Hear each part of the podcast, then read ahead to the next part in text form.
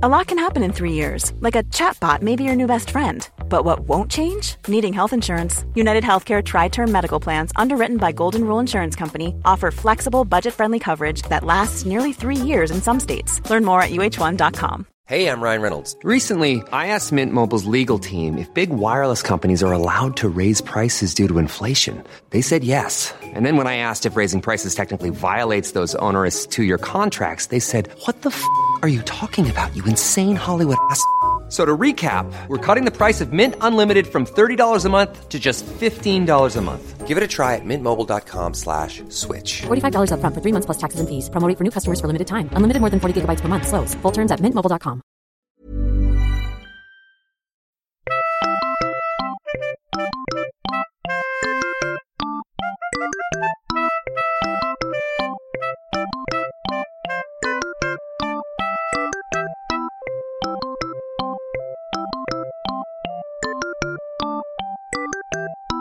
Hej och välkomna till Arkivsamtal. Jag heter Simon Gärdenfors och mitt emot mig sitter Adam Svanell.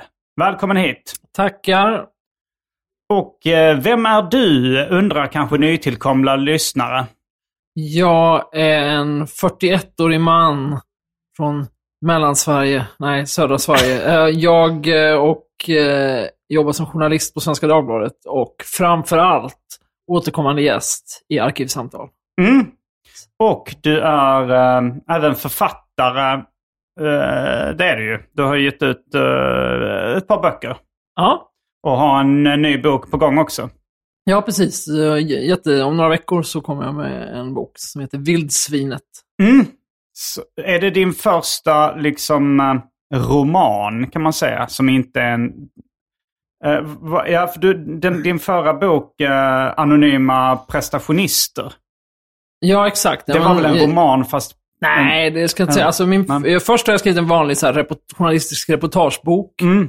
Och sen min förra bok var ju någon slags, den var ju liksom självbiografisk delvis, fast eh, Mm. det var liksom en... Det finns ju självbiografiska Självbiografi. romaner också. Men Ja, men det var det ju inte ska jag säga. Utan det var väl mer som en typ, ja, typ reportage slash essä slash Mm. självbiografi. Den handlar om utbrändhet kan man väl säga. Den Ja.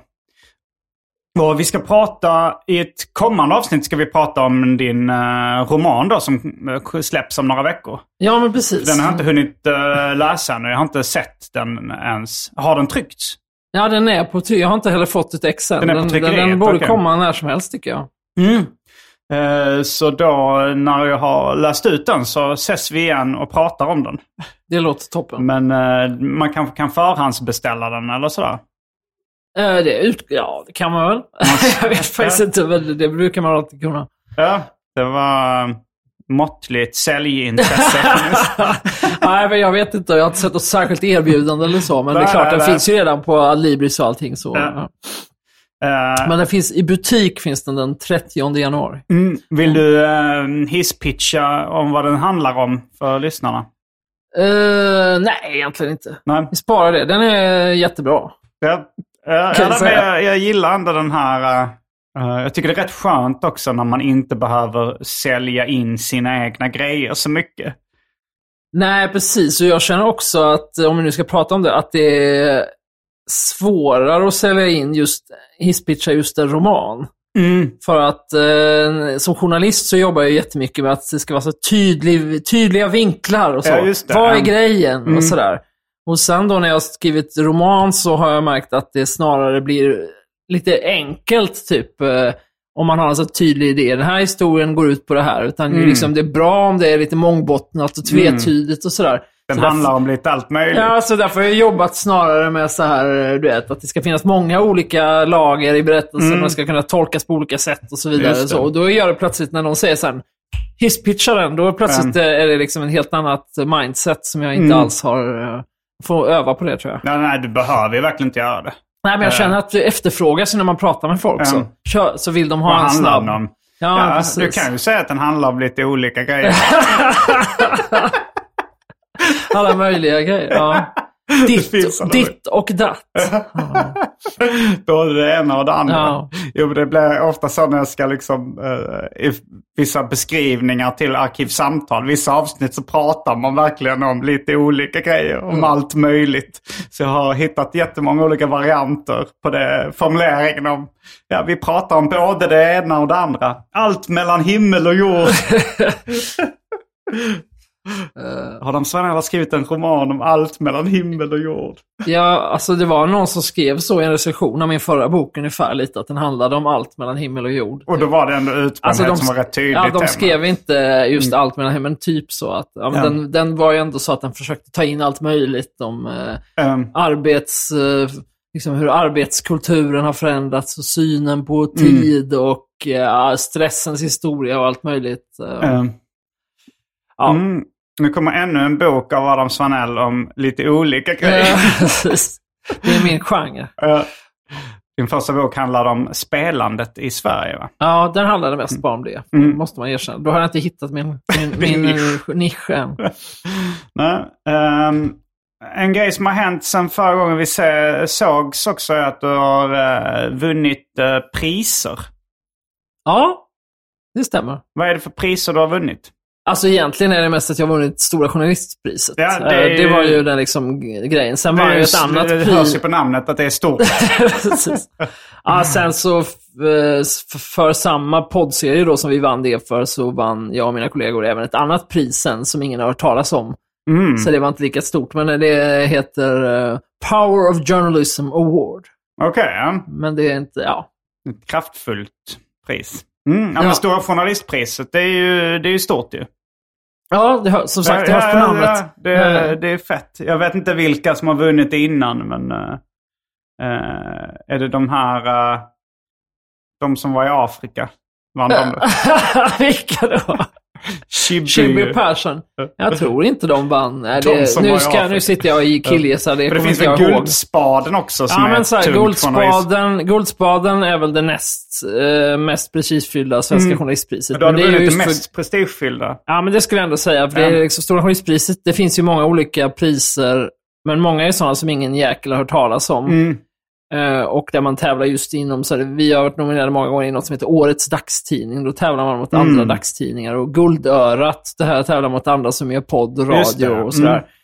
Och Guldspaden, då tävlar man just mot andra som har gjort grävande journalistik. Ja, Men Stora Journalistpriset är ju, ja, det Stora Journalistpriset är ju liksom all journalistik tävlar Ja. mot varandra och så är det bara fyra kategorier och tre nominerade i varje. Så att det är väl därför det är liksom det, det som är mest prestigefyllt för att det är så Mm. få, så ett litet nålsöga liksom. Och då vann ni för Dynastin. Ja, En eh, poddserie kan man säga. precis. Väldigt eh, bra poddserie. Jag vet inte om vi har pratat om den i Arkivsamtal. Jag tror inte det. Jag tror inte heller- Eh, nej, hamnar nog mellan nämnt stolarna. Ja, Mm. det har vi inte. Nej. Eh, så det kan vi göra idag om du vill. Ja, vi kan prata om ditt och datt. Ja. Där ditt, ditt är då Nu har du hittat din nisch. Ja, precis. Men det kan vi absolut göra. Ja. Eh, det, jag, jag lyssnade på den när den, eh, när den kom. Den, den var ju väldigt eh, spännande. Ja, ja men tack. Eh, den kanske du kan berätta lite kort om vad den handlar om. Ja, precis. Den kan jag hisspitcha. Mm. Ehm, ehm, nej, men Dynastin är då en poddserie som handlar om familjen Stenbeck. Mm. Som är en av Sveriges liksom, rikaste och mäktigaste näringslivs, liksom, finansfamiljer. Är de det fortfarande? Ja, men historiskt kan man säga det i Mm. alla fall. Eh, Sen är väl... Ja, men på sätt och vis skulle jag kunna säga, jo men det är de nog fortfarande, Mm. fast de är ju lite mer...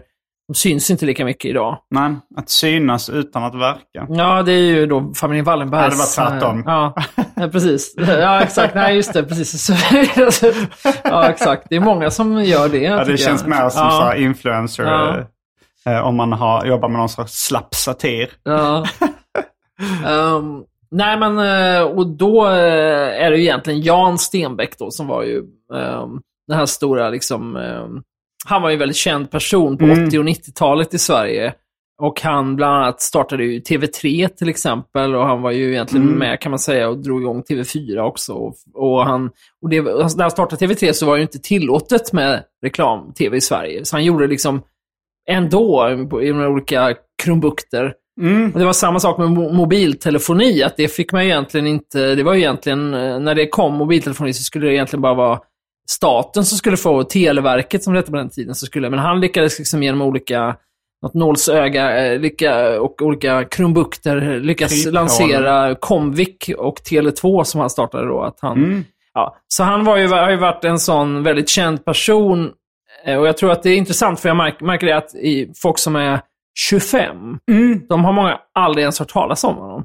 Mm. Och folk som är 50, de Mm. tycker typ att han är en gigant och sånt. Ja. Och vi är kanske lite mitt emellan den generationen, så här, man vet Ja. vem det är, men man kanske inte har så stark relation. Ja, jag, Ja. jag har ändå liksom haft rätt bra koll på honom. Det kom ju någon eh, dokumentärfilm om honom också. Ja, precis. Det var en för, för Mm. fem, ja, sju år sedan kanske. Ja. Och sen var det väl också, eh, var det den här, var det han eh, hade någon maträtt tillsammans med Leif Persson? Leif Persson, precis, har Ja. ju, brukar ju berätta här om det. De, de, de var båda sådana matmissbrukare då. Att Ja. de, de frossade så och bara åt och åt och åt och åt. Och sen slutade allt med att de åt liksom ett sånt potatismos då som, som bara bestod av väldigt lite potatis, jättemycket smör och grädde. Och sen Ja. så, så påstår då i alla fall Leif Persson eh, att, att eh, Jan Stenbeck brukade ta rysk kaviar och bara röra ner i det här. Ja, var det rysk kaviar då? Jag har mig att det var... inte Att det var. var det, kaviar vet jag att det var. Ja. Men jag är osäker på om det var liksom stenbitsrom eller om det, Ja, var, om alltså- det var rysk kaviar. Eller, eh, men, ja, det, eh, det, det, nu blir jag osäker själv, men, ja. men han, hade ju haft råd med att ta rysk, så Ja, jag, vet inte. Men, Ja. eh, nej, men jag vet inte, jag, jag, jag fastnar ofta för eh, de historierna folk äter smör. Det finns ju också den här när Göran Persson berättar om att Helmut, Helmut Kohl, Kohl, ja exakt. Precis. Ja, den är väl, han har sån komisk timing. Ja, Göran Persson, han så, börjar äta smör. Jo. Ofantliga mängder. Alltså, det är liksom, eh, Jo, ja. han har inte bara kom, det är liksom någon form av dramaturgi i hans sätt att prata. Det här också Ja. ibland han tar av sig glasögonen innan punchlinen på något sätt. Och, så, och då visade det sig att det var jag som hade haft, så tar han av glasögonen, som hade haft rätt. Han har sagt det vid något tillfälle. Ja, ja, men han... ehm, ja, nej men i alla fall. Så det, det jag ska komma till, Jan, Jan Stenbeck är ju då, det som du säger, har gjort tv-serier och det har, eller det, det har gjorts eh, dokumentärserier och kommit, liksom, det finns tre böcker om honom och så. Finns det tre böcker? Ja, fast det är bara en som är blivit en storsäljare. Och nu Mm. håller de ju faktiskt på att göra en dramaserie om, om Jan. Stenbeck på SVT. Mm. Ja, men eh, det som är grejen med vår serie då, Dynastin, är att den inte handlar så mycket om honom, utan den handlar ju då om eh, hans barn. Mm. Så det är ju lite som, vi säger att det är som Succession fast tvärtom. Vi Mm. säger att det handlar om eh, fem barn då som när deras pappa oväntat plötsligt dör då för 20 år sedan så, så är de liksom jätteunga. Den äldsta dottern är ju bara 24. Mm. Eh, då ärver de här barnen plötsligt ansvaret från det här miljardimperiet, liksom alla Mm. de här företagen, och måste ta hand om det. Och sen så är ju den här poddserien då i sex delar, liksom, eh, handlar ju både om det här eh, imperiet och företagen och affärerna de gör, men också om deras privatliv då. Mm. Eh, och allt, för det är ju massa då, det är ju liksom, eh, ja, ja jag vet inte hur jag ska gå in på, det är ju, men det är liksom mycket missbruk och död och tragedi i de här människornas liv. Ja. Så det är liksom en eh, familjesaga och en eh, liksom näring, eh, affärs eh, story som är ihopgift då till ett, liksom, i den här poddserien. och Och just det, jag, också- jag ska förklara det där med tvärtom, så är det just att jag menar att i Succession då så bråkar ju barnen om vem som ska få makten liksom. Mm. Jag har faktiskt Men- inte sett eh, Succession. Men... Nej, okej, men det, det handlar ju bara om det att liksom, Ja. pappan är sjuk eller döende och så vill alla sy- syskonen liksom ta Mm. över efter honom och de, en maktkamp mellan dem. ehm, Medan i, eh, i vår serie då så är det ju snarare så att man får känslan av att de här barnen bara vill slippa. Mm, för att, eh, mer eller mindre. Ja, i olika tillfällen. Eh, ja, det var en eh, intressant grej också att Jan Stenbeck hade något av en okänd son. ja, inte något av Han var ju helt okänd. Alltså, Ja, de för, andra eh, barnen, hans andra barn visste inte nej. om att, att han existerade. Vissa kände till honom. Hans mamma och han själv? Eller var det de enda som visste att... eh, Nej, det var nog vissa i, i eh, Jan Stenbecks närhet, hans Mm. närmsta män och så. Hade ju, två av hans närmsta män hade ju skrivit under int, hans namn, alltså intygat hans namnteckning på faderskapsintyget. Så de visste ju om det. Mm.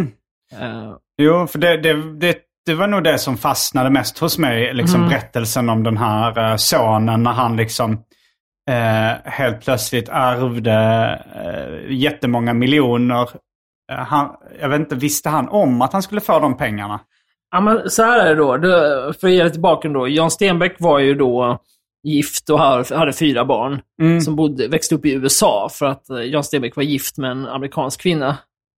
Eh, och sen då så hade han en, eh, en eh, liksom romans med en servitris. Mm.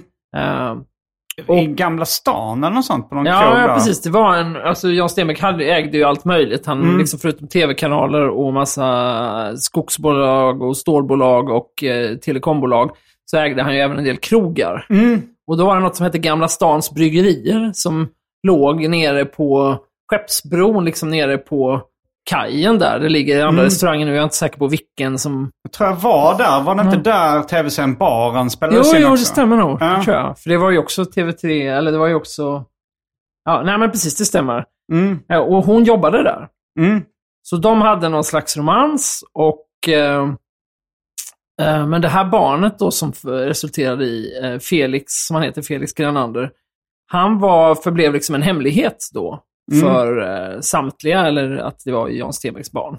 Mm. Så att eh, när, när Jan Stenbeck dog då eh, var han fem år gammal. Ah. Och då kom det fram, eh, för att då... ehm, först då lämnade de in de här faderskapspapperna. Han hade Mhm. skrivit under att han var far till barnet, men de hade inte lämnat in det till... Liksom, Till myndigheterna. till, till tingsrätten eller var man lämnar in det. Eh, utan då gjordes det. Och då kom det ut då i tidningarna att Mm. han hade ett barn till. Och så fick de andra syskonen reda på det. De kände inte till då att de hade ett halvsyskon. Nej. Eh, och då blev det ju också så då att han fick ärva... Uh, Jan Stenbeck hade ju dels eh, lagt, om jag minns rätt nu, om jag ska återge det här, det kanske inte är så intressant, men han, han hade ju massa, liksom flera miljarder och så, men han hade lagt en del av pengarna i någon stiftelse i Liechtenstein eller något sånt. Mm. Så det så det ärvde ju de andra barnen då. Det ärvde bara dem, för det hade, var inte liksom... Ja, det var inte skrivet på honom personligen och så. Så det kunde han se till att de andra barnen då ärvde själva eh, alla aktier i företagen och så. Mm. Men alla liksom, själva förmögenheten då, Ja. fick ju då Felix Granander vara med och, och dela på. Och han fick väl i alla fall enligt våra källor någonstans över 300 miljoner. ja, det är mycket pengar. Och då var det ju att han fick ju veta då av sin mamma, han, hans mamma berättade någon gång när han var barn. Så. Mm. Du kommer få 300 miljoner Ja. när du fyller 18. Exakt, precis. Ja. Och han har för mig att det gav honom ganska mycket ångest redan som barn. Ja, han hade jättemycket ångest. Han kallade det ju själv till och med blodspengar. För att han kände liksom att han hade ju aldrig, inte gjort något för att förtjäna det här. Han hade ju Mm. aldrig ens träffat sin pappa. Nej. Utan han bara liksom föddes upp där som ett till synes vanligt barn och sen bara vet han att ja, en dag så ska jag få alla de här hundratals Mm. miljonerna. Liksom.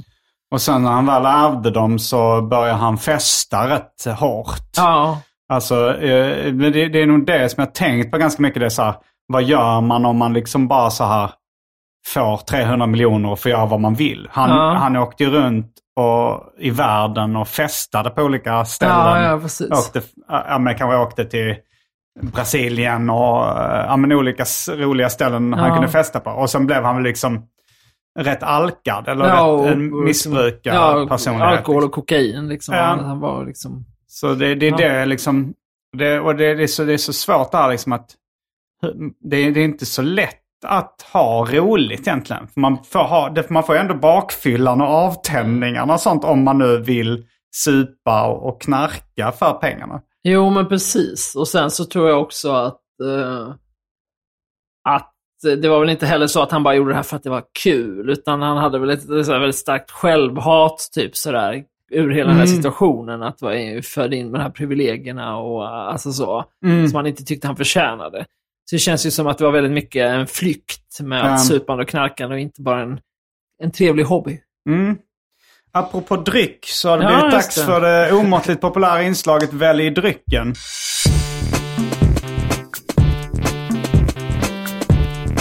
Jag tror vi börjar med det fasta inslaget Välj drycken! Och här kommer alternativen. Fanta Zero med smak av apelsin. Många olika sorters sprit som jag kommer räkna upp om du väljer sprit. Uh, sen så har vi eh, uh, tesorten Milky och Long. Det finns pulverkaffe. Det finns häxblandningen, det vill säga alla drycker som fanns i min kyl innan den genomgick en så kallad corporate rebranding. Och för tråkmånsar och nejsägare, vatten. Mhm.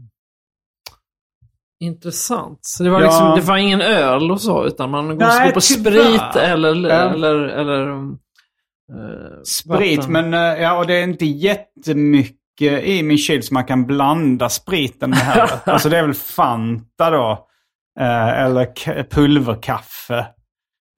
Som, som jag kan komma på att man kan blanda spriten med. Te är inte så jättebra att blanda sprit i. Och vatten kanske inte är så kul eh, att blanda grejer i. Nej, det Om låter inte så lockande. Jag tar Nej. en sån här Fanta Zero då. Ja, ja, men då gör jag också det. Då, jag, jag har faktiskt inte druckit eh, på 11 dagar nu, alkohol. Eh, det är en av de uh, längsta uppehållen jag haft sen, eh, sen jag, som jag kan komma ihåg. Mm. Eller sen jag började tänka på det, att jag har inte druckit på så så länge. Är det någon särskild anledning att du strävar efter en hälsosam januari? Uh, nej, det, det, var, det var nog mer så alltså, eh, alltså så att man, man lever ju ganska... Det är rätt vanligt att i december så äter man onytt, mycket och onyttig mat och eh, dricker ganska mycket alkohol. Och sen så var det bara så här, ah, nu, nu känner jag för att vara lite hälsosam. Och sen märkte jag så här, vad skönt det är att inte vara bakfull. så eh, vi får se hur, länge, hur länge det håller i sig. Men eh, det är lättare nu när du valde Fanta att inte välja alkohol också. Så jag tar också Fanta Zero. Eh, då är vi tillbaks med... Då är vi strax tillbaks med dryckerna kända från det omåttligt populära inslaget Välj drycken. Häng med!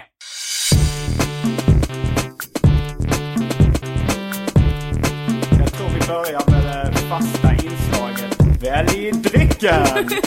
Då är vi tillbaks med dryckerna kända från det omåttligt populära inslaget Välj drycken. Och eh, vi lämnade lyssnarna med eh, en diskussion om eh, Jan Stenbecks mer eller mindre okände son. Ja, exakt. Ja, men han, han är ju alltså... Han kallades ju det just i, i medierna hela tiden. Jan Stenbecks okände son. Så det är liksom som ett eh, epitet som Mm. hans... eh, Sen... Jag tycker den borde ha kallat honom Jan Stenbecks mer eller mindre okände son. Nu är han inte lika okänd längre. Han blir mindre, för varje gång man skriver honom så blir han lite mindre okänd. ja, ju. Ja. Men eh, hur, du, var du redaktör för den här poddserien? Ja, eller producent kan man Mm. säga. Eller var jag ju. Men också så har ju. Vi har ju... eh, jag har egentligen skrivit, alltså skrivit den ihop med min kollega som är reporter, Mm. Janne Almgren. Jag har liksom... eh, Ja, det är han och jag som har ju ja, liksom satt ihop det och skrivit allting. Och sen har jag Mm. klippt det då och så liksom arbetslett honom. Så vi har jobbat nära ihop vi två. Och sen har vi även haft två kollegor på produktions produktionsbolaget Banda som heter Hugo Lavett och Lovisa Damm Nordenskjöld. Mm. Som är då också varit med, liksom, och, med i processen och varit eh, liksom, också en sorts producenter, då, exekutiva producenter. Mm. Så det är vi fyra. Men ja. Men Skriver man en sånt manus innan man gör intervjuerna eller liksom gör man... Nej, nej, det gör man ju inte. man Eller vi, vi jobbar ju aldrig så. Däremot så har man ju ofta en eh, typ så här avsnittsskiss redan från Mm. början. Och typ så där, liksom. det här avsnittet ska vi prata med den personen om den här händelsen. Ja, men ungefär så. Mm. Eller liksom i det här fallet så är det ju en kronologisk berättelse. Så det är Ja. lite så här, ja men det börjar, vi börjar berättelsen 2002 när Jan Stenbeck dör. Och så här, Ja. men, eh, kanske vi har en ungefär, slutar vid ungefär vid den här cliffhangern. Och så. Mm. Alltså att man har en ungefärlig... Fick du träffa många av de här uh, människorna eh, i Stenbeck-sfären då? Alltså den mer eller mindre okända sonen och... Ja, en hel del. Alltså en del av intervjuerna har Janne gjort själv, men... Eh, Men Felix har ju träffat och Mm. eh, en del andra. Och sen var det ju även huvudpersonen då kan man ju säga i scenen är ju Sophie Stenbeck som är ett av de här Mm. andra syskonen. Eller hon som är med allra mest. Och då var vi ju i Florida där hon bor och, eh, och i, intervjuade henne i, i tre hela dagar. Mm. Kul Ja. att åka till Florida också. Ja, ja men det var roligt. Mm. Var Ja. i Florida var någonstans? Hon, hon bor ju då, hon är ju en hästfantast, så hon bor i något som heter Wellington. Mm. Som är liksom som ett, i podden beskrivs det som att det är så här, ett Beverly Hills för hästfantaster. Ett Beverly Hills för hästar.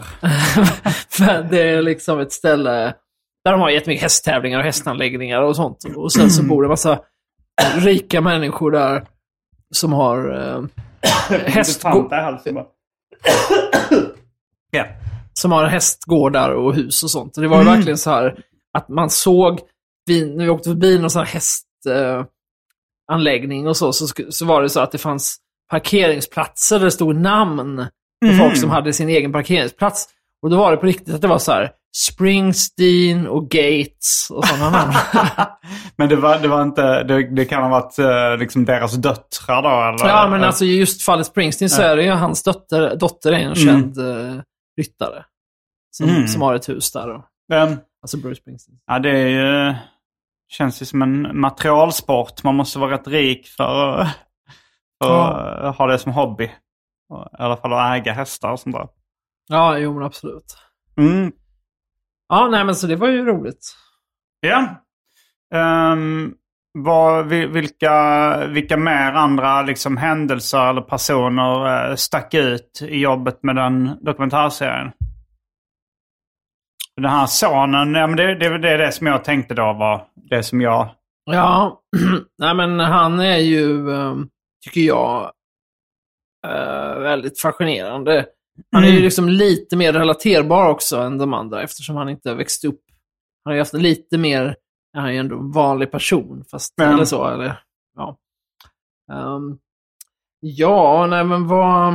Vem är det som styr Stenbecks företag idag? Alltså det är ju det mycket handlar om mot slutet av podden. Att Ja. det är ju eh, Kristina Stenbeck, då, dottern, hon var ju 24 år när hon fick ta över. Mm. Och eh, hon, all, då var det mycket så att folk bara, åh, ska hon den lilla snärtan ungefär ta över det här imperiet liksom? Mm. Och sen så gick det oväntat bra och så har hon ju varit styrelseordförande då i massor av år. Ehm, Men sen har hon liksom börjat eh, dra sig tillbaka. mm. Först lämnade hon posten som ordförande och sen lämnade hon styrelsen helt och till och med valberedningen och så. så och, och, så hon... Så idag är det ju liksom... Eh, är ju Kinnevik som då folk säger i näringslivssvängen, ett tjänstemannastyrt bolag. Okej. Att liksom huvudägaren då, familjen Stenbeck, de har ingen eh, representant i styrelsen för sitt Men- största bolag, Kinnevik då. Det är väldigt ovanligt. Men vd, vem är vd där liksom? För vem är högsta hönset på Kinnevik idag? Det är en man som heter eh, Georgi Ganev. Okej, och är han eh, svensk? Uh, Det låter ju jag är osäker utländskt. faktiskt. Jag har aldrig pratat med Nej, honom. för det, det känns ju som en uh, doldis, appl- eh, i alla fall om Ja. man jämför med tidigare Jo, men precis. högsta Ja. höns inom det företaget. Eh, ja, nej, men i och för sig har det alltid varit... Uh, Jan Stenbeck var inte heller VD för sina... Utan han var styrelseordförande i alla de här olika bolagen. Okej, Så det är ja. det som varit nyckelposten. jag kan inte riktigt uh, företagskultur. Nej, jag det- fattar. Jag fattar. Ja, Mm. nej, men alltså hela den här grejen har ju varit att eh, jag hade inget bra svar där på vad som var det mest spektakulära. Eller så. Men för det är sonen, men- du, du, men- jag tolkade det som att du tyckte också att sonen var... Ja, precis. Eh, Men hela grejen med, med eh, familjen är ju att de är ju då, jag menar, de är ju jätterika och de är Mm. liksom kända och så. Och det är väl folk alltid intresserade av. Ja. Rika människor. Men det som är ju just att de bara så här, gång på gång har hamnat i massa olika tragedier då. Att om man har de här fem barnen Ja. så är det ju då Sophie som jag pratade om. Hon är ju den här liksom lite eh, mjuka, milda dottern som liksom kallas, inte, i familjen har hon kallats familjens moder Teresa. Mm. Eh, och sen är det då stora syster Kristina som var liksom är den här lite mer maktkvinnan då som är Mm. liksom eh, lite mer hemlig och aldrig stä, nästan aldrig ställer upp på några intervjuer och väldigt så, och liksom, ja, mm, familj över huvudet liksom. Mm. Och sen är det då brorsan Hugo som har varit så här svarta fåret och hamnat i liksom, rattfylleri och krogbråk och eh, ja, massa sådana grejer. Liksom, Just det, det, det var också rätt spännande när de typ hans, hans story. Eller Ja, ja men incident. precis. Och sen är det då den här hemliga sonen som också har haft missbruksproblem och som Mm. har hela den här eh, grejen att han aldrig fick träffa sin pappa. Mm. Och en grej som är ganska fascinerande då nu eh, är ju att han eh, har ju aldrig träffat sina egna syskon. Han har inte träffat någon av dem. Han har träffat Sophie då, hon som är eh, med mycket i serien. Eh, de två har ju en relation liksom. Men de andra två syskonen, Hugo och Kristina, Mm. har han aldrig träffat. Nej. Och då har de ändå bott, Kristina och han bodde båda på Östermalm i ett antal år. Så att det inte liksom så att det har varit krångligt att få Nej, till. de utan... skulle ju kunna träffats Ja. i mataffären Ja, precis. Så det är väldigt fascinerande liksom just med de här, eh, ja, att de, Mm. ja. Ja, för Och det, sen det, är det jag då- minns det som i dokumentären att, de, eh, att ni tog upp det liksom. Uh, alltså nästan pressar dem lite på det här. Har ni, ni har inte träffats, ni har, Nej. alltså syskonen. Men jag kommer inte ihåg, för de sa väl så här, de ville inte riktigt prata om varför de inte hade träffats. Eller var det... Nej, men jag, jag tycker själv att det är det bästa ögonblicket i hela dokumentärserien nu, om jag nu spoilar lite. Men, Ja.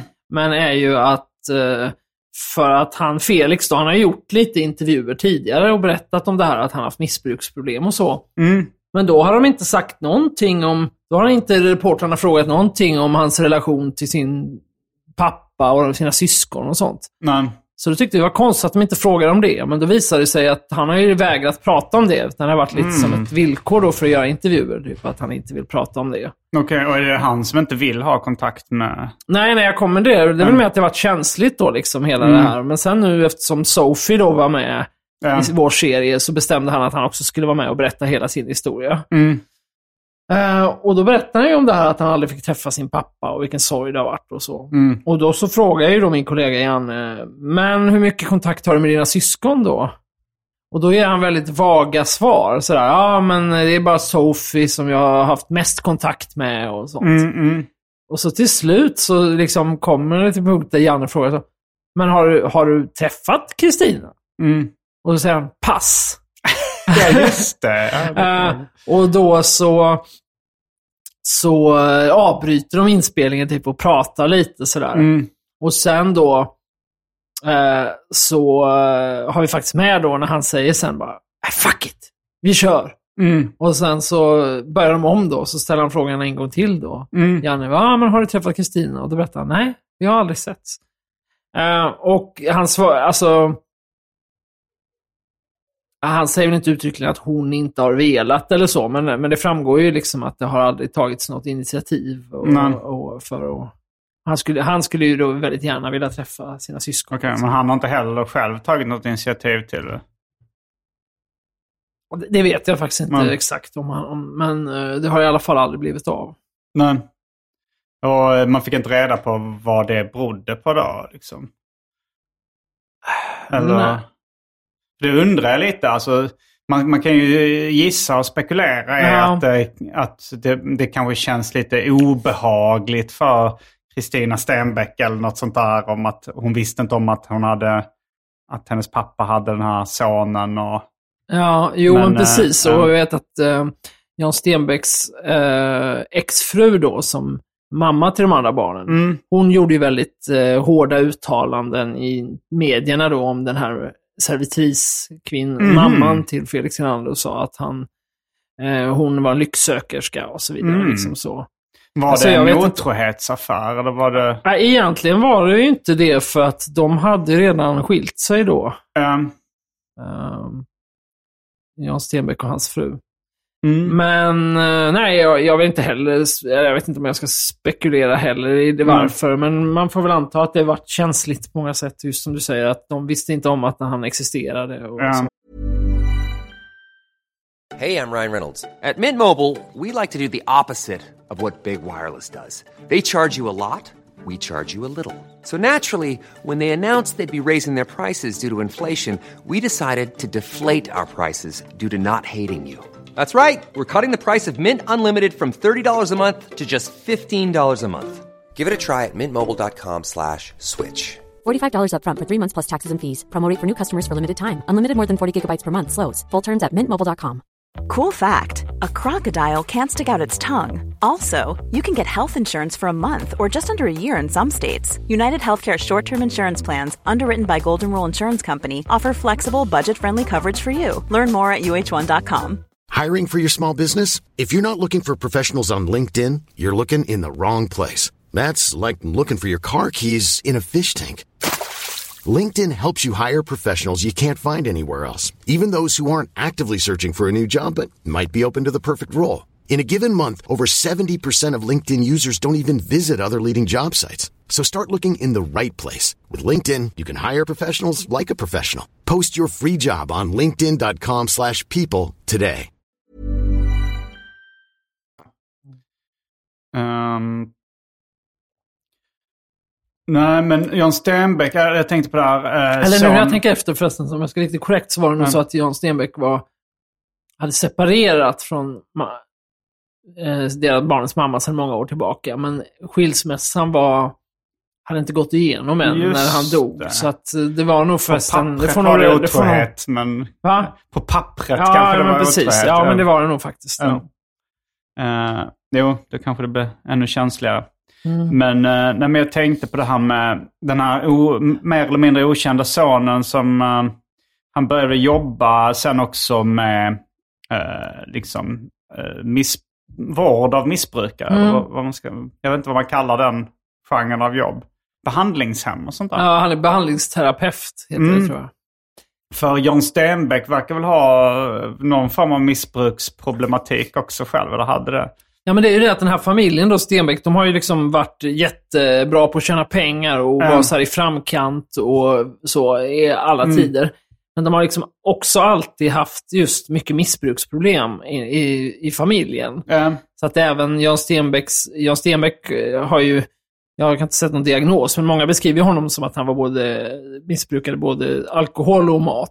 eh, jo, det var Och, någon eh, som sa hans att han bror- åt ihjäl sig. Var det Leif Persson? något Ja, det är väl, ja, ja inte och bokstavligen gjorde han det, men, men ja, på sätt och vis kan man väl säga Vad det. var det han dog av? Vad var den En officiella hjärtattack. döds- Hjärtinfarkt? Mm. Okej.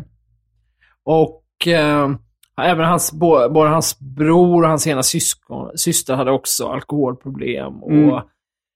Två av hans barn då och så. Så det är ju en grej. Och sen är det också att väldigt många i familjen har dött väldigt tidigt. Liksom. Så gammal blev Sten, Jan Stenbeck? Han blev 59. Okej. Ja. Jävlar, det är ungt ja. Ja, och då hade ju både, om jag minns rätt nu, så hade ju både hans eh, storebror och hans ena syster också dött tidigare då. Eh, och eh, hans, ja. Nej men i alla fall, det, det, så det är liksom det här, båda de mörkret som på något sätt förföljt familjen är Mm. både i form av missbruk och det här många dödsfallen. Liksom. Ja. Och sen har ju inte, för att knyta ihop säcken då, jag har ju en person kvar i uppräkningen här av syskonen. Mm. Och det är Max Stenbeck, den yngsta av de ordinarie barnen. Mm. Som var ju liksom lite så här påläggskalven och typ allas favorit. Och som de sa så här, han kommer ta över sen efter Kristina Stenbeck en dag. Mm. Han dog ju då när han var 30 år under liksom eh, märkliga omständigheter när han var eh, kopplat till diabetes. Som han hade.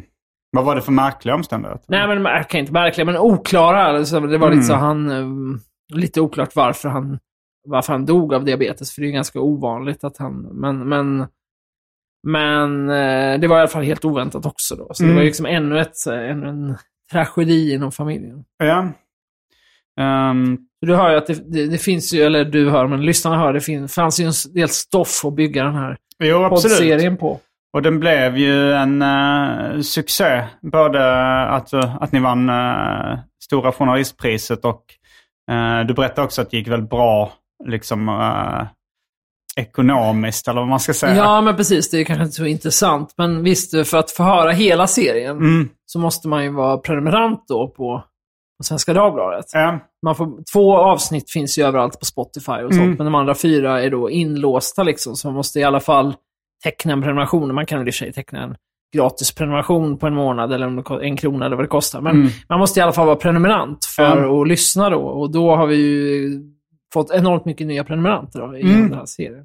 Hade ni räknat med att det skulle bli så, en sån hit?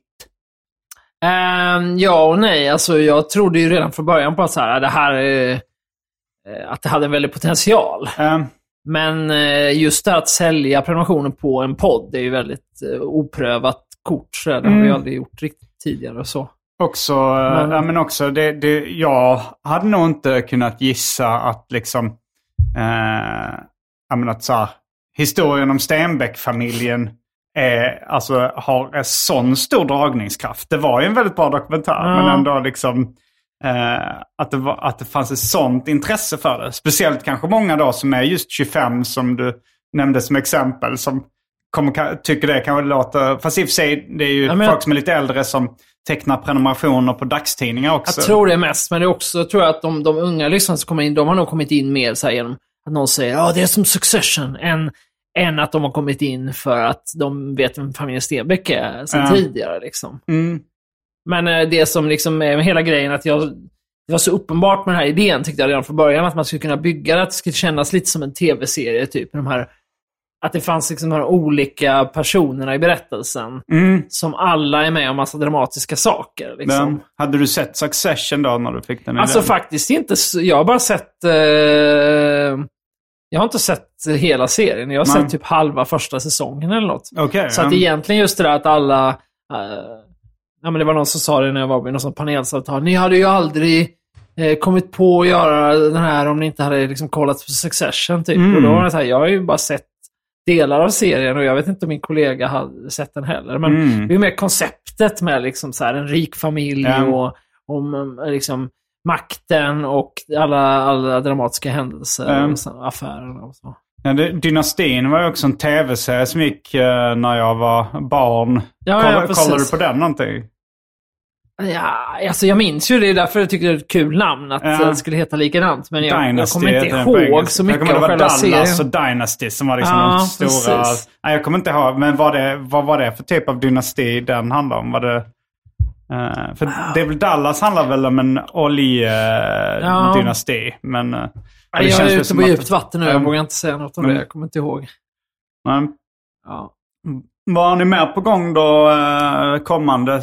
Har du någon sån stor eh, Nej, inte så stor satsning har vi inte satt igång någon än faktiskt. Nej. Eh, Det tog så himla lång tid att göra en sån. Det tog ju ett, vi håller på med ett år det där.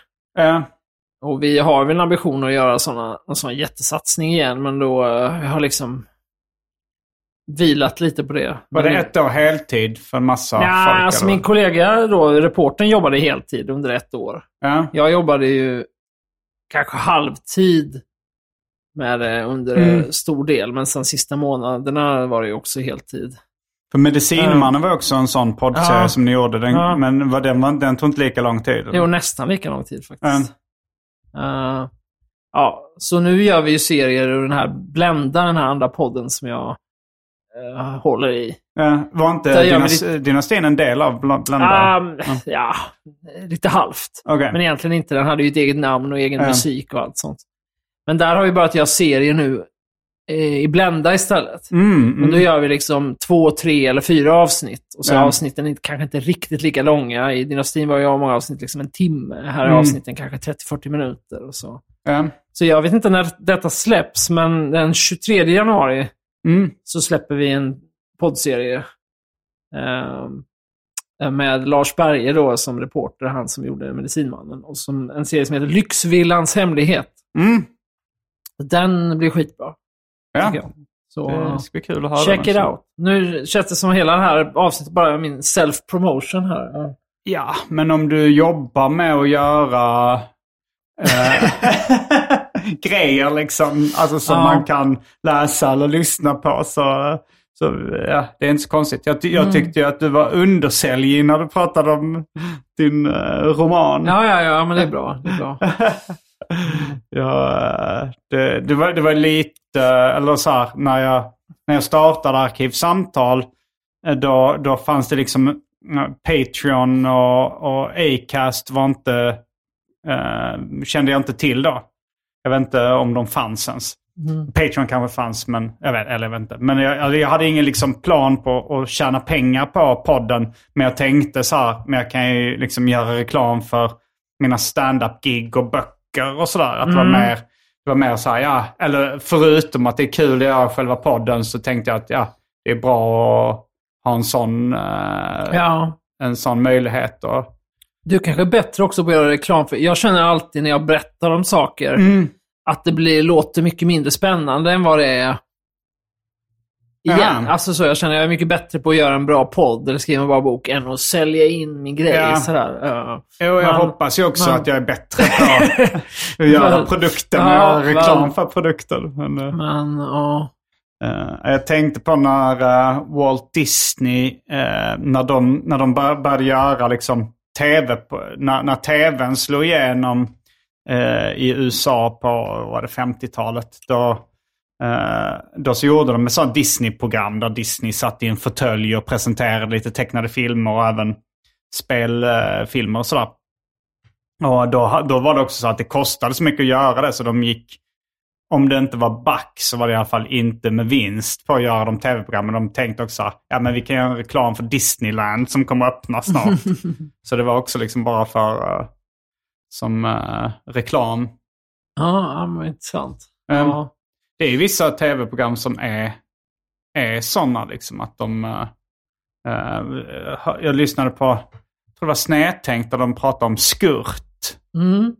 att, att de, de fick inte, liksom, de fick inget betalt. Från vilket tv-program var det? Var det TV3? Ja. Att TV3 betalade ingenting för, eh, för liksom att visa det. Mhm. Utan det var bara så att om de då kunde dra in pengar för företag som ville synas i skurt så fick de de pengarna. Jaha, okej. Eh, har jag för mig. Nu Ja, kanske, ja. Nu kanske jag är lite fel för mig. Men det var så i slutet av den. Ah, vad hette hon? okej. Inga-Maj? Eller vad hette hon som var Skurts Ja, det tror mamma? jag. Det, det hette hon nog. Mm. Ja, det här, eller kanske en konstig parallell, du kanske glider ifrån ämnet, men jag vet att med Bingolotto var det ju lite liknande. Ja. Att det var ju... ehm, det var ju så att eh, ehm, när man startade Bingolotto eh, som privat, eller nu har man gjort om lagstiftningen, på den tiden var det ju så att som en privat företag fick ju inte tjäna pengar på spel i Sverige. Nej, Utan det var ju antingen bara. Svenska Spel då, eller Monopolet, Tipstjänst ja. som det hette, Monopolet. Eller då att man var en ideell förening, idrottsrörelsen. Ah, ja, ja. Så Bingolotto var ju bara att det var idrottsklubbar som sålde Bingolotter. Så skulle de få pengarna. ja, ja. Eh, Men då var det ju han, han som hade hittat på det här, Gert eh, Eklund som han hette. Mm. Han hittade ju massa andra sätt då att tjäna pengar indirekt. Typ sådär. Eh, och då var det ju bland annat, tror jag, att han... eh, han hade typ re- satte reklam på själva lotterna, tror jag. Jaha. Någonting. Eh, så lottförsäljningen fick han inte ta pengarna av. Utan, och sen var det något, hur var det nu? Det var någonting med vinsterna också, typ att han... Ja, det kan ju vara sponsring. Ja, alltså, han var fick kanske in vinst, fick spons av för... eh, Så kan det varit. Jag tror han fick massa gratis grejer då från... Och sen typ sålde han dem till själv till programmet eller något sånt. Alltså jag vet inte riktigt hur det var, men i alla fall han hittade också... Det var också så att alla pengarna kom från andra konstiga sidor. Mm. Gjorde ni, det, var, jag gissar att det här var en del i eh, din bok Spela Ja, lagom. ja, men precis. Det är därför jag eh, kan Ja. detta lite halvt. Det är det här klassiska också att eh, Leif Olsson, eh, att han fick välja mellan 50 öre per såld lott eller en... eh, vanligt, vanlig lön. Ja. Ja, just det. Och han valde en vanlig lön. Ja, vilket precis. eh, i backspegeln var ett misstag. ja, jo, eh, och Frej, vi gjorde ju programmet Samhällsjudo. Eller så, som, vi, det. som vi pitchade då. eh, Vi, vi spelade in ett sånt promotion-avsnitt. Och så eh, pitchade vi det till lite olika tv-kanaler. Eller Mm. det, var, det var produktionsbolaget Stockholm-Köpenhamn då som skötte pitchningen. Mm. Liksom, till, men då kommer jag ihåg att det, det, först var det ingen som ville eh, köpa det. Och då så spelade vi in en... eh, Då frågade de så här, har ni inga andra idéer uh, förutom samhällsljud? Och då, då Mm. ville vi göra ett tv-program om felsatsningar. Där man skulle liksom... eh, eh, intervjua folk och göra små liksom, reportage om olika historiska roliga felsatsningar. Ja. Och då hade vi ju det, det som ett exempel. Liksom, eh, Bingolotto, Leif Loket Olssons felsatsning. Ja. Och, eh, vad var det med? Ingvar Oldsbergs Olds Beach. Om du har talat om den. Absolut. Va? Det var inget som gick bra. eh, Det Olds låter Beach, mer, det låter mer som ett, ett eh, program om olika göteborgska tjocka före detta sportjournalister och deras... Oldsberg var väl inte så tjock var nu? Nej, kanske inte. Ja, Nej, men det var han inte. Det har du rätt i. Eh, ja, nej, vi, vi spelade in en sån promotion av, Ja. eller ett promotion-klipp som kan vara tio minuter där man presenterar idén och klippte in. Men det, men det köptes inte heller. Och sen så liksom två år efter vi hade pitchat samhällsjudo så, eh, så blev det grönt ljus för det. TV, TV4 Play och TV12 eller vad det var. TV4-gruppen i alla fall. Eh, ja men det, det är ju intressant. Mm, eh, är vi klara med Stenbeck-pratet eller, vi, eller ska, ja, vi, ska vi gå det. över till din uh, specialitet? Att prata om allt möjligt. Ja, precis. Exakt. Det låter rimligt. Mm. Har du något annat på gång? Ja, du, du har ju fått barn. Det har vi kanske pratat om lite. Eh, eller vi har nämnt i alla fall. I. Ja, precis. Du hade blivit igen- igenkänd på något tåg när någon inte visste att du hade barn. Just det, exakt. En Eh. lyssnare som... För du, du föreslog vid något tillfälle att vi skulle prata om livets mirakel i aktivsamtalet. Det var inget riktigt förslag. Det var mer om att om man ska föreslå ämne så vill man ha något alternativ. Ja, jo. då, hade jag det. Um, ja, nej, ja, vad ska man säga om det? det om livets mirakel. ja, precis. Ja, men jag ska ju nu snart gå på föräldraledighet. Då, Ja, så, du ska bli... ja, så det ska hur länge ska du vara uh, pappaledig? Eh, länge, det blir väl nio månader typ. Okej, en graviditet. Ja, precis. Eller tio kanske till och med. Nio, tio, ja, beroende på vad man räknar. Har du börjat planera, eh, alltså så här, det kanske, man kanske ska tänka så här, jag ska, när jag ska vara papp- pappaledig så ska jag ägna mig heltid åt barnet. Men har du tänkt så här, att jag kan skriva lite på en ny bok eller något sånt samtidigt när barnet sover? Nej, alltså faktum är att jag håller på med... Jag är redaktör för en bok som en, eh, som en eh, kollega skriver. Mm. Som jag kommer jobba pyttelite med kanske vid sidan av i lediga stunder. Mm. Men annars tror jag inte... um, Ja, man vet väl aldrig, men jag har hört prata med andra och så. Det upplever inte som att det kommer finnas några oceaner av tid tror jag också. Ett barn Mm. också när det börjar bli uppåt ett år sover ju inte så många timmar Nej. Nej, per på en vanlig dag. Så jag tror inte att jag kommer... Tror att jag, men vi får se. Om, Ja. blir, om, det blir, om det uppstår tid kommer jag säkert eh, skapa någon sorts projekt. Men det kan ju lika gärna vara någon slags baka bröd eller något. Det behöver inte vara Just det. skriva en bok. Jag kommer ihåg att Messiah Hallberg berättade att Ja. han började liksom skriva sitt standup-material när han var pappaledig. Ja. Han, det var väl så här ändå vissa stunder man satt på ett café eh, och barnet sov i barnvagnen. Då, då liksom så okej, då sitter jag och skriver lite skämt här då. Så, och så hade han material sen, så bör, jag vet inte när han började. Ja, men visst, jag tror så här att... ehm, ehm, alltså till och med när jag varit sjukskriven och så, och Ja. inte kunnat jobba, så har jag ju ofta då tänk, har mycket tid att tänka. Då har jag ofta fått idéer Mm, och saker som jag det. senare har gjort. Liksom. Ja. Så det är väl mer så, att man får tid att så tänka efter och få lite, zooma ut lite och bara... ehm, Mm. ja. Men det var också det att du var sjukskriven för utbrändhet. För att du var liksom, li- eller var lite arbetsnarkoman. Ja, ja, visst, Och då är det kanske inte så konstigt om man fuskar. Nej, liksom, nej, att nej, man tar ett återfall. Jag tänker också på den här Avicii-dokumentären när han ligger liksom på sjukhuset och, och har jobbat eh, för hårt. Liksom, Ja. Så tar han ändå datorn och börjar jobba liksom, trots att han är starkt rekommenderad Jo, men att inte göra det. Nej, men absolut. Visst, lite så är det väl. Men, men jag tror ändå att... ehm, ja. Att det, det eh, min erfarenhet är ändå att det är när man så här, tar en paus som man ofta får intressantare idéer, typ när man bara kör på. Liksom. Jo, så kan det ju Ja. vara. Men annars ska jag nog försöka inte hålla på Ja. och ja. Är det som du hade tänkt dig att vara pappa? Ehm. ja, nej, jag vet inte. Nej, kanske inte riktigt. Ja. Jag har ingen jätteoriginell spaning sådär tror jag, men det är svårt att beskriva hur det känns eh, och veta innan. Man blir väl ändå, men... Alltså det är en grej som jag tycker är, alltså hela grejen att ha en bebis Mm.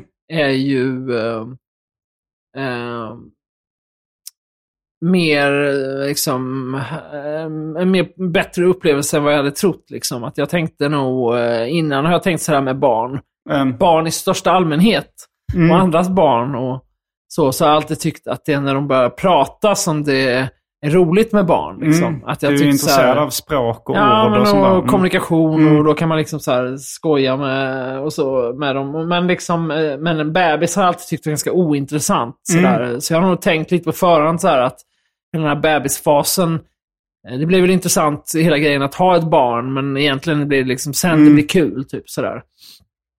Men eh, det, det är ju när man, ja, när det är ens egen bebis så blir det ju något annat. Liksom. Och Det är ju Mm. någonting med det är liksom en ganska fysisk upplevelse att ha barn på något sätt. Alltså, det är väldigt mycket det här närheten på något sätt. Att man Mm. går och bär på dem och, och man liksom sover ihop med dem, eller vi gör det i alla fall. Och, och man liksom har den här...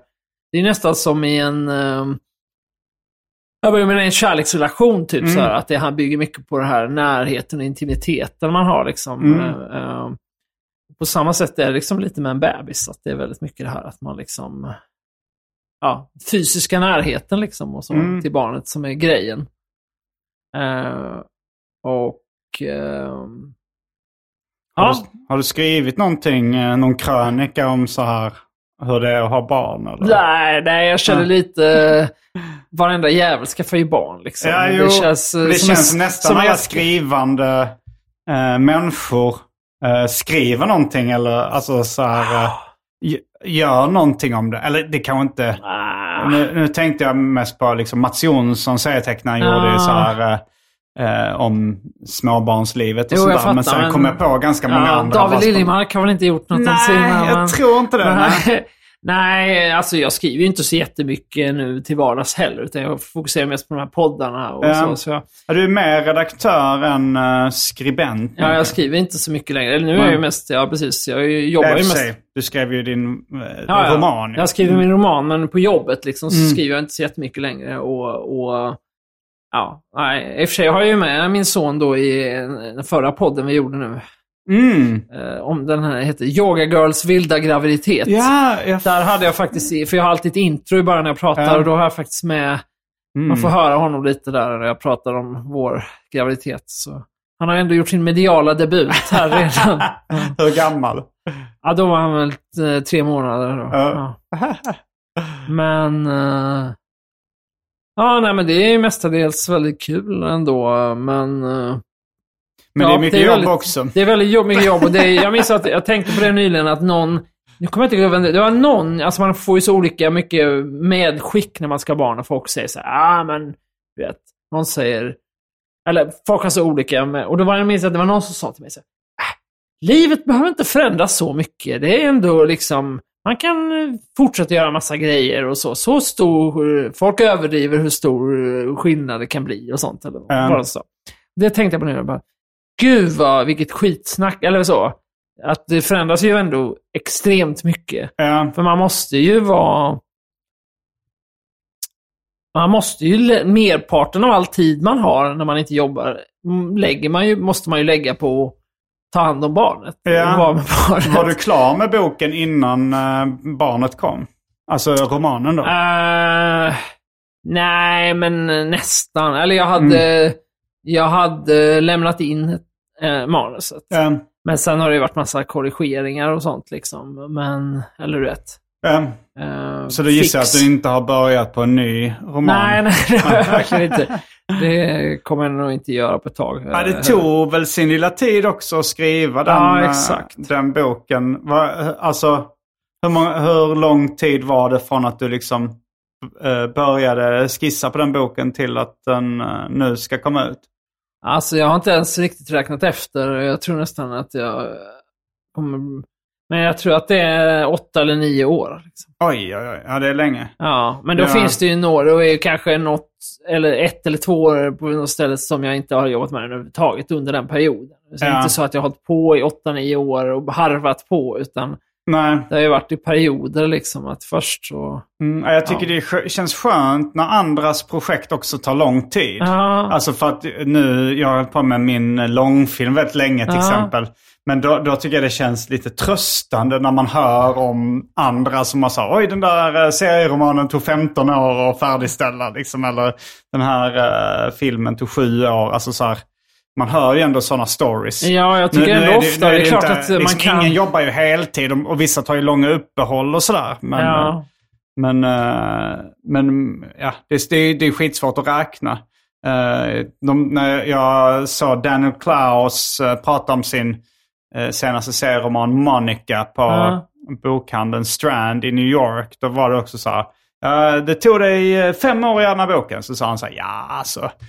Fem år, det var ju fem år den senaste boken kom. Och sen så är det ju svårt att, eh, eller det kan vara sju år det hade eh, tagit. Eller så. Ja. Men han sa så här, men det är så himla svårt att, att räkna. Så här, om jag står, står och diskar och tänker på vad ska hända i det här kapitlet. Är det att jobba då liksom? Eller, Ja. Han sa så här, eh, fakt, faktureringsbara timmar.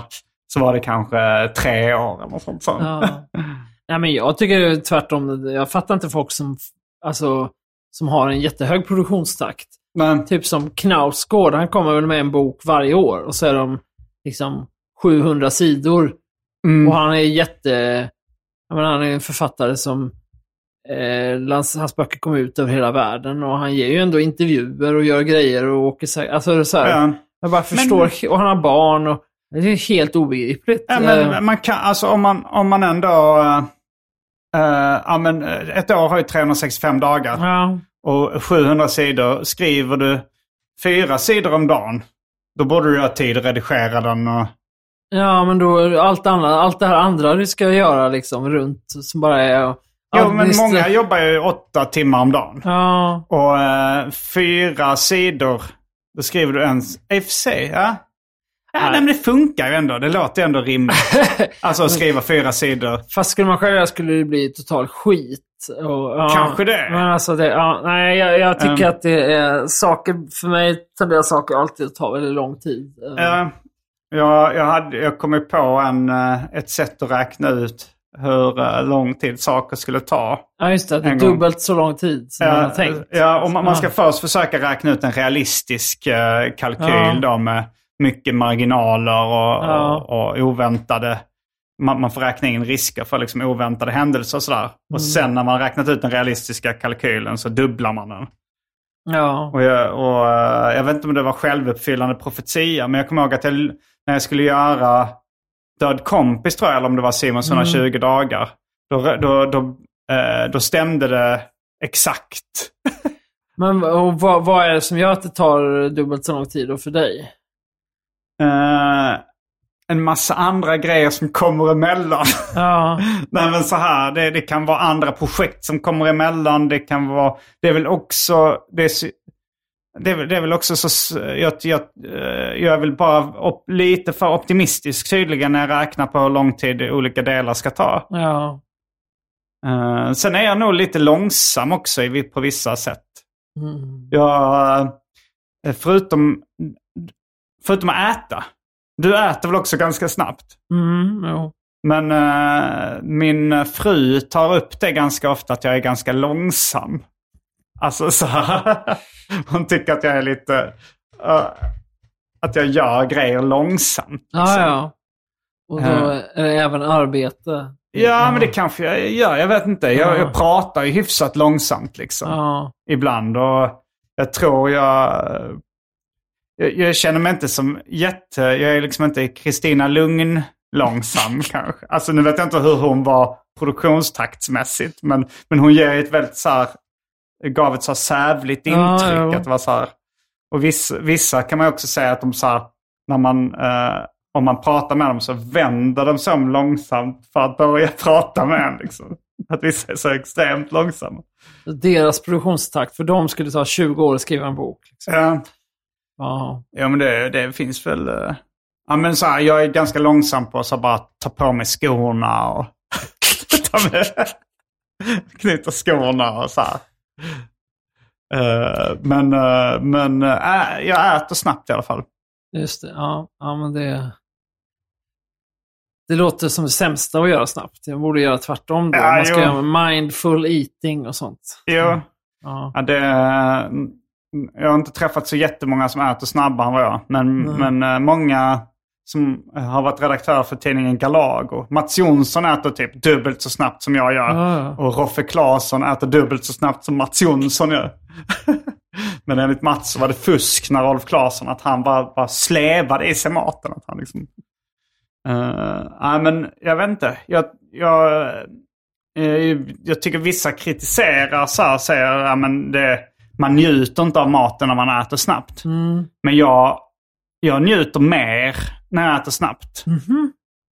Alltså, det, för, alltså för om jag inte får äta i mitt eget tempo, då eh, tar det bort lite av njutningen. Liksom. Jaha, okej. Okay. Jag, jag, fast jag äter snabbt så håller jag nog med de, de som säger att man ska äta långsamt. Jag tror att jag ofta inte riktigt njuter. Eller det är rätt att, att jag bara liksom ser det som en, en syssla som bock, ska bockas av. Mm, eller att jag bara öser i mig maten liksom. Och, uh, Ja. Jag vill jag se det som att jag äter känner- passionerat. du äter som du älskar. Snabbt. Passionerat och snabbt. Tre sekunder. Mm. Eh, ja, eh, jag tror ehm, det här, eh, vi börjar eh, gå mot slutet av den ordinarie delen av Arkivsamtal. Just det. Hänger du med in i den Patreon-exklusiva världen? Absolut. Eh, då får jag tacka dig för att du medverkade i detta ordinarie avsnitt av Arkivsamtal. Jag heter Simon Gärdenfors. Jag heter Adam Svanell. Fullbordat samtal.